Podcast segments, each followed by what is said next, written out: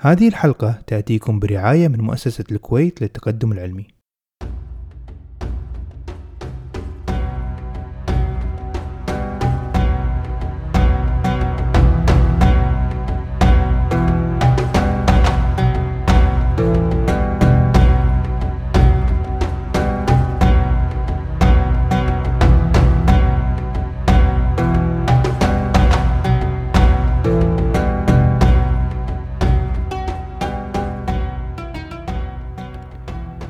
السلام عليكم.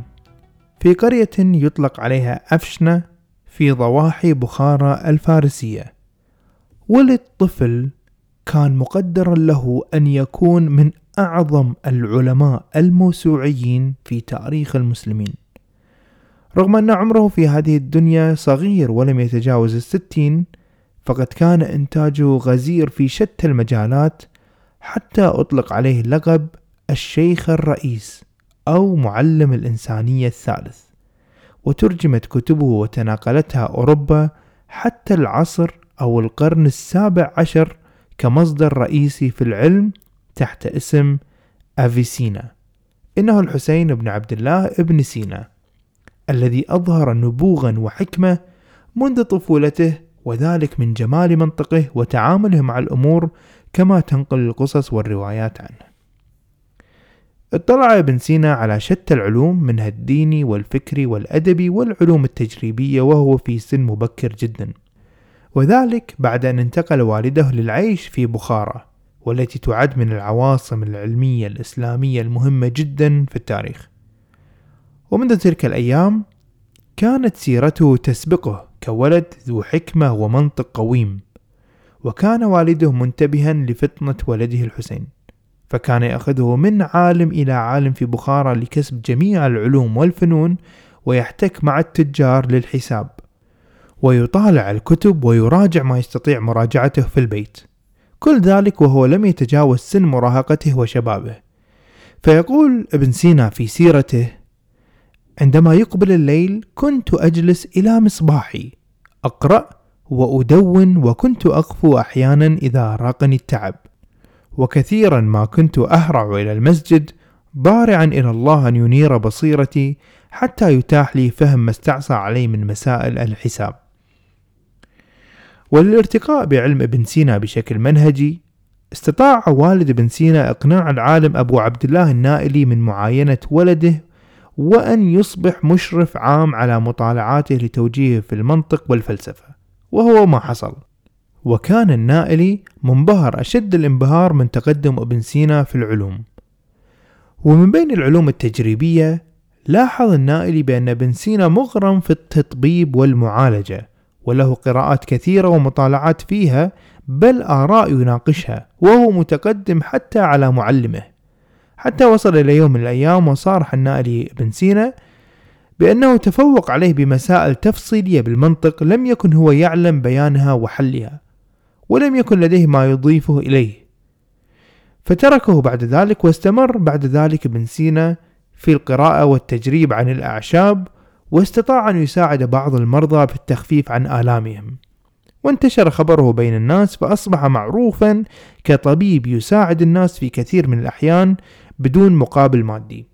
فقد كان يرى أن مهنة الطب مختلفة عن باقي المهن ويوليها مكانة خاصة كونها ذات طابع إنساني في تخفيف معاناة البشر بشكل مباشر. وفي فترة من الزمن في تلك الحقبة مر السلطان في بخارى نوح الساماني بآلام صعبة متعبة كادت أن تودي بحياته. حاول معه الكثير من أطباء القصر وغيرهم ولكن من دون جدوى. فعلى إثر ذلك تم مناداة ابن سينا لمعاينة السلطان ومرضه وقد قام بتشخيص المرض وصرف له العلاج المناسب الذي استمر عليه السلطان حتى شفي من مرضه. وكانت تلك نقلة في مسيرة ابن سينا. ليس لأنه أصبح مشهور عند السلطان وذاع صيته أكثر بل لأن السلطان فتح له أبواب مكتبة القصر التي كانت تحوي كنوز من الكتب ليطلع عليها ابن سينا فكان ذلك يوم سعده. فأخذ يعكف على زيارة تلك المكتبة يوما بعد يوم حتى أنهى جميع كتبها بل قام بتلخيص أهم معارفها بكتاب اسمه المجموع وشرح بعض الكتب الأخرى وتمضي الأيام فتجيء لحظة حساسة مصيرية في حياة ابن سينا. فقد توفي والده الشخص الذي اهتم فيه أيما اهتمام ورباه على العلم. فبعد فترة من الحزن على الفراق قرر ابن سينا السفر والترحال.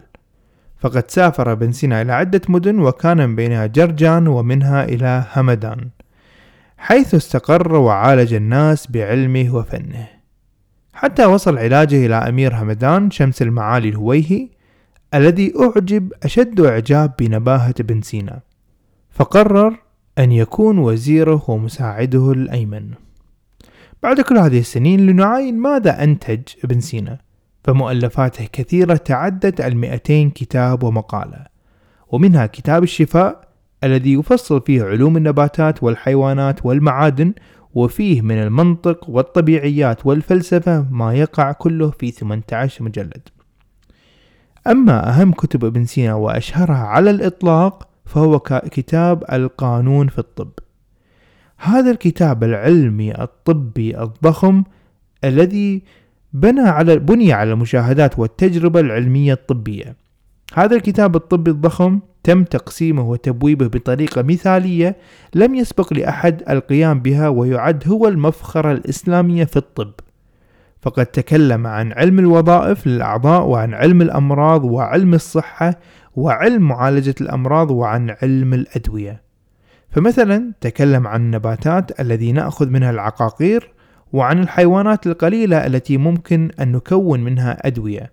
وإذا تكلم ابن سينا عن النباتات في كتبه فيسهب ويشرح عن النباتات الشجرية والزهرية والعشبية والفطرية والطحلبية ويفصل فيها. وإذا تكلم عن الحيوانات فكان لديه ما يشبه الموسوعة على إطلاقنا اليوم. فيتكلم عن العظام والغضاريف والأعصاب والشرايين والأوردة والأغشية وحركاتها وما إلى ذلك. ولديه إسهامات كبيرة في التشريح المقارن بين الطيور والأسماك وأجهزتها التناسلية والتنفسية. حقيقة إذا اطلعت على تخصصه في الطب وموسوعيته في العلوم لا تملك إلا أن تنبهر عن كل هذا الإنتاج. فكان له آراء حتى في تكون الجبال.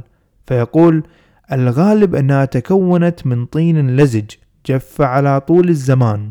في مدد لا تضبط فيشبه أن تكون هذه المعمورة كانت في سالف الأيام غير معمورة بل مغمورة في البحار. فتحجرت في مدد لا تفي التاريخات بحفظ أطرافها. إلى آخر كلامه في وصف كوكب الأرض وجيولوجيته. وقبل أن أنتقل إلى توضيح واحدة من أهم الأفكار الفيزيائية التي طرحها فسأذكر حجم تأثير ابن سينا في تاريخ العلم والحضارة البشرية. فلك أن تتخيل بأن من شدة الإتقان والبيان والمعارف في كتابه القانون في الطب فقد ترجم الكتاب إلى اللاتينية وأعيد ترجمته على مدى القرون خمسة عشر مرة. وكان من المصادر العلمية الرائجة المستخدمة في الجامعات الأوروبية حتى عصور متأخرة تصل بعضها للقرن السابع عشر ميلادي في روسيا وألمانيا وفرنسا وإنجلترا وباقي الدول. أما الفكرة الفيزيائية فهي قانون الحركة. تكلم على ما يبدو في كتابه الشفاء عما يشبه قانون نيوتن الأول للحركة الذي يبين بأن الجسم الثابت يبقى ثابت والمتحرك يبقى متحرك ما لم تؤثر عليه قوة خارجية واللي هو قانون القصور الذاتي. فقد ذكر ابن سينا بأن المقذوفات في الفراغ لن تتوقف وإذا كان الجسم في حالة ثبات على سطح فإن حركته مرهونة على ميل السطح. وكلما كان هناك ميل أكبر أو ميلان أكبر كانت حركته تتأثر بشكل أكبر. وهي كلها إشارات إلى القصور الذاتي. طبعا وأنت تسمع الفكرة الآن في القرن 21 هي بديهية ولكن قبل ذلك لم يكن هناك تفسير كلي لحركة الأجسام إلا ما اقترحه أرسطو. ولن نخوض في نظريته في القصور الذاتي ولكن في كثير من المصادر يشيرون, يشيرون إلى أن ابن سينا توصل إلى مبدأ القصور الذاتي قبل أن يتعرف عليه دافنشي وغاليليو أو يصيغه بأناقة تامة نيوتن. ولكن للأمانة العلمية وجدت أيضا مصادر أخرى تناقش الفكرة من حيث التأثير. فابن سينا لم يفصل الكثير في هذه النقطة ولم يكن لها تأثير واضح على أسلافه في الحضارة الإسلامية. خصوصا أن ابن سينا يعتبر تواجده الزمني سابق لكثير من العلماء وهو في بداية ازدهار العلم التجريبي في المنطقة الإسلامية. وهي بنظري محل بحث واختصاص وبالتأكيد وبالتأكيد لا تنقص من العالم الموسوعي ابن سينا شيئا. فالحسين بن سينا عطائه غير مقتصر على العلم التجريبي ويمتد للفلسفة والمنطق والأدب ولو نظرة في الفهم الديني ولكن هي كلها موضوعات خارج العلم التجريبي ونطاق البحث في البودكاست. في أواخر أيامه واجهته العديد من المشاكل مع الدولة للأسف وتنقل ما بين همدان وأصفهان التي يبدو استقر فيها لفترة من الزمن وبعد ذلك ينقل أنه مرض مرضا شديدا لفترات طويلة فتصدق بكل ما لديه وأعتق غلمانه وتوفي في رمضان سنة 428 الهجرة أو 1036 الميلاد وهو في الثامنة والخمسين. ولكن كما قلت أن عمره الصغير نسبيا لم يمنعه من أن يطلق عليه لقب الشيخ الرئيس أو المعلم الثالث للإنسانية أو أن يقول عنه مؤرخ العلم جورج سارتون ابن سينا ظاهرة فكرية ربما لا تجد من يساويه في ذكائه أو نشاطه الإنتاجي وعذرت الذين آمنوا به إيمانا مطلقا حتى إذا وجدوا حقائق مغايرة لما قاله ابن سينا لم ينسبوا الخطأ لابن سينا ولكن يقولون إن ذلك من أغاليظ النساخ أو إن الطبيعة حادت عن مجراها. هذه نبذة مختصرة عن المختصر المختصر في تاريخ هذا العالم الكبير. ألقاكم غدا مع رواية وفصل جديد من فصول العلم التجريبي في الحضارة الإسلامية. فحتى ذلك الحين كونوا بخير وإلى اللقاء. thank you